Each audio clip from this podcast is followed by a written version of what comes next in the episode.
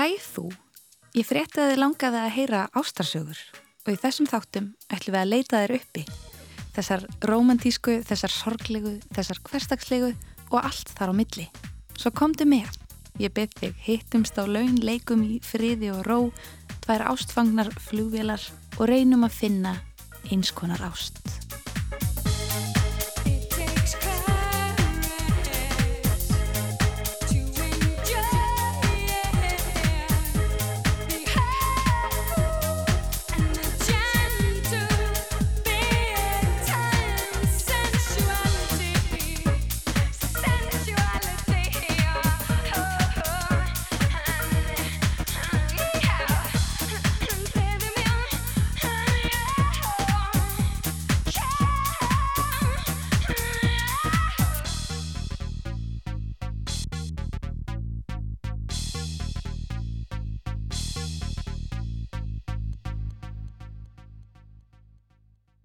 Rannsóknir benda til þess að um það byl 60% dægurlega fjalli um ástina og svo tala þarf ekki að koma á óvart.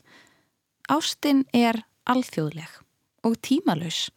Þú reyndar hafi byrtingarmyndir hennar í textum breyst á síðust árum þar sem þeir eru orðnir líkamlegri, kinnferðislegri en áður.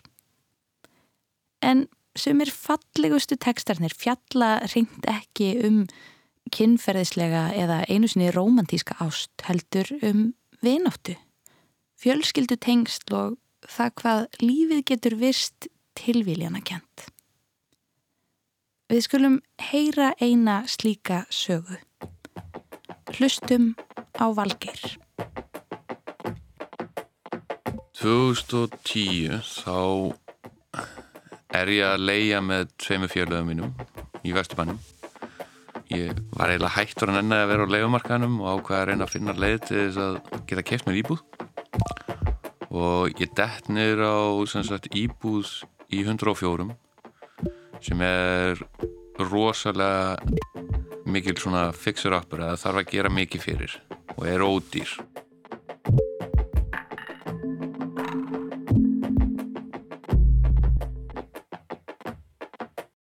Þegar ég kaupi íbúin á þá þarf mikið að gera fyrir hana og svoleiðis. Það sem ég enda með því þegar ég er búin að gera hana upp þá er ég búin að skipta um ramagn, ég er búin að skipta um batharbyggi, ég er búin að skipta um eldús, ég er búin að skipta um útiglugga, ég er búin að skipta um hörðir inni og úti, um. Ég býð þar í cirka 56 ár. Á seinasta árinu þá er ég orðin rosalega veikur vissi ekkert hvað var að segja þið síðan sé allt síðan auðlýsingu frá félag þeirra sem hafa lendt í miklusvepp og þar sé ég hver eru enginninu fyrir miklusvepp og þetta var bara checklisti fyrir mig. Síðreita alltaf með nefrensli ég aðraði alltaf við það að vera svona semiveikur óþægend í hálsi síðan var ég að fá hausverki og svona heilarsvima og einhver svoleiðis þegar ég kennst að því að miklu sveppurinn er þarna undir þá rýf ég, eh, þegar ég fatt að það þá rýf ég parketti í burtu og þá sé ég það að það er bara miklu sveppur þarna með sitt eigi postnúmer þannig það er stór. Það eru steipuskendur auðvitað sem ég gerði líka við og það hefðu leitt vatn inn í, inn í húsið sem það hefði aldrei verið gert við. Gamlegandanum fannst það rosa góð hugmynd bara að skera í burtu blöytapartin á dúknum sem var þarna undir dúk og kork og setti bara plast og séðan parkillaði yfir það. Þannig að hann bjóð bara til gróðurús þannig að ég þurfti að rýfa þetta allt í burtu og, á, og hafði verið veikur í heila mánu frá vinnu yfir heilt ár. Út af því að ég var alltaf kvefaður og með enginni miklu sveps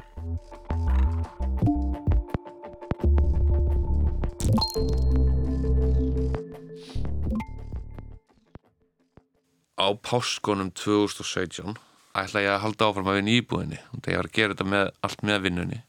Þetta er sunnudagur og ég hafi verið bara heima á mér kvöldi áður og heima á mig um pappa og þegar ég bjóði á mig um pappa meðan ég var að vinna í þessu. Ég er rosalega betýpa þannig að ég sé svolítið mikið fram eftir. Og allt í hennum vekum mamma mig og segir bara er pappi en að það heyrir er eitthvað að segja því hann er ekki að reyfa sig að neitt svoleiðis og hann svarar ekki þegar ég talaði hann og svoleiðis ég er náttúrulega bara að hugsa það vest og hoppa fram úr. Fer fram og þá er sagt gamla svefnherbyggi mitt við hliðin á sjónasherbygginu þar sem hann var. Þá hafði hann alltaf að horfa leikin ennska knaspinu nema hann segist alltaf að horfa ennska leik ennsku knaspinuna en hann skiptir aldrei um stöð til þess að gera það. Það heldur lognast bara út af. Og mamma íti við mér og ég hleyp fram og ég tjekka og ég finna að það er engin púls og pappi situr í stórum hægindastól svona á hlið. Og pappi er stórmaður ég gæti ekki hreift hann úr stólunum til þess að komast í betri aðstöðu. Og jáfnveg þó ég sé stór þá er hann stærri. Og ég byrja bara að hnofa hann. Og mamma stendur hann til hliðar og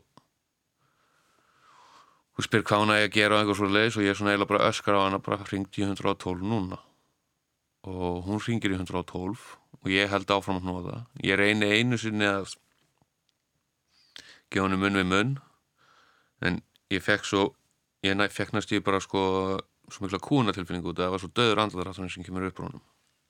Ég hafi lesið í öllum blöðum að það væri eiginlega hægt að gefa munn við munn í dag og maður ætti bara að hnoða. Þannig að ég held því áfram og mamma segir við mig menn ég er að hnoða það, það er alveg tímindur, 5-10 mindur þannig að þeir koma á svæði sjúkrabildinir að koma að tala við mannin og hans, hann fer eitthvað að reyna að tala við mig og ég bara sagði, heyrði, ég ætla að hætta þessu og ég ætla að halda áfram að hnoða og læta mömmu fá aftur síman og ég hnoða og hnoða og hnoða og heyri alveg nokkur rifbinn brotna. Ég brít alveg nokkur rifbinn í honum. Því að maður þarf að gera það þegar maður er hnoða. Og þá loksins mæta þeir á svæðið og ég hjálpaði þeim við það að koma hann nýra á jörðina og þeir byrja að vinna í honum og þá fer ég loksins inn í mitt herbyggja aftur og fer úr náttfötunum og, klæði í og þeir taka hann sjáðan upp á spítala gefa hann vist uh, stuð í bílnum og síðan er hann komin uppbyttur upp á spítala og settur í kælingu þar og hjartafræðingu Mamma fór með sjúkrabílnum meðan sitt ég eftir og fer og sæki bróða minn segja honum fréttinar og ringi sýstu mína. Og síðan keiri ég upp á spítala eftir.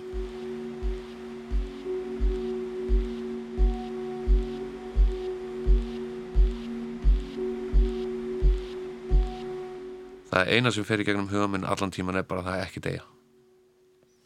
Ekki deyja ég öskar mér að sjá á hann sko ekki deyja á eitthvað svo leiðis og þegar ég var ekki viss hvort að það væri ekki púls eða eitthvað svo leiðis þá sló ég hann utanundir svona reynda aðtöða hvort það væri eitthvað lísmark með hann og það var ekkert og það er bara eina sem fyrir í gegnum huga mér bara ekki deyja á eitthvað svo leiðis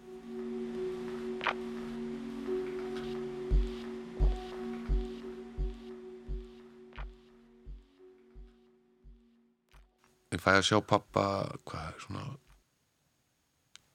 einum sólaring setna og svo tæpla. Hann var sem gemdur kældur í nokkra daga. Og það er mjög spes. Þegar þá liggur hann inn á gjörgjastunni og er alveg ískaldur. Hann er gemdur í einhverju 32 gráðum eða eitthvað álíka. Bara kælt niður í hann blóðis en hann kom út úr því og er í lagi í dag. Og allt bara í fúli fem. Hann er mér að segja hann þá vinnandi. Og hann verður 70 á næsta ári það er bara mjög súrealísk hugsun sko að hugsa til þess að ef ég ekki geft þetta hús og ekki staðið í þessu það hefði ég hugsanlega ekki verið heima. Og eins elskulega mamma er þá kann hún ekkert í skyndi hjálp. Hún er svona lítil og nett kona þannig að hún hefði aldrei getið gert neitt hugsa ég.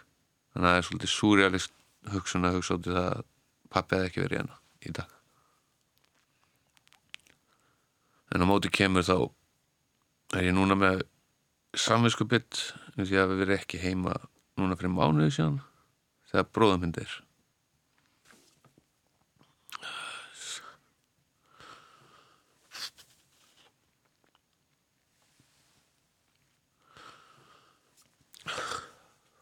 um, núna bara þess að 29. júli senasta var fyrsti dagurinn minn í sumafríð og tveim dögum setna er ég að fara til Korsíku í giftingu hjá félaga mínum. Og þá fæ ég símtal um það að bróðum minn sér dáin og við erum ekki alltaf búin að fá að vita úr krupningunni en það er líklegast heila blóðfall. En að ég er með smá samvinskupið að hafa ekki verið heima þá. Geta mögulega hjálpa honum. Nei, þetta er bara og raunaði fugsun þegar hann dói um miðanótt ég hefði verið svoandi hvort þið er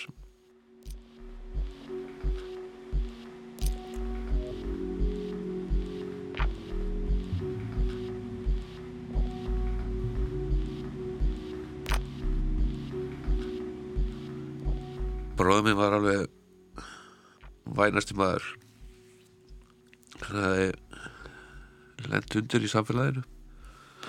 Því að hann var öryrki með flóveiki á mjög háu stíi þá búið að fara í tvær eða þrjár heilaskuðsakir til þess að reyna að stemma stíðu við flóveikinni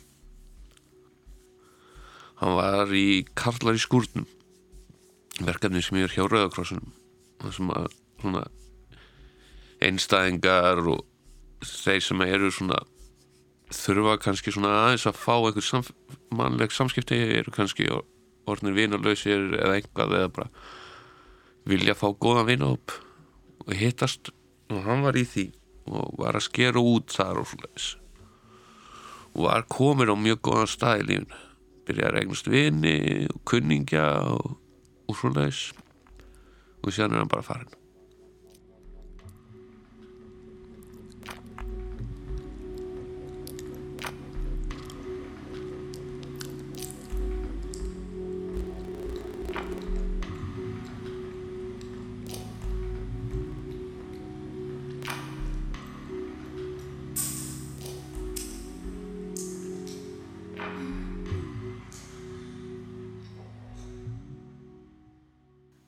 Manstu hvernig og hvað er hann?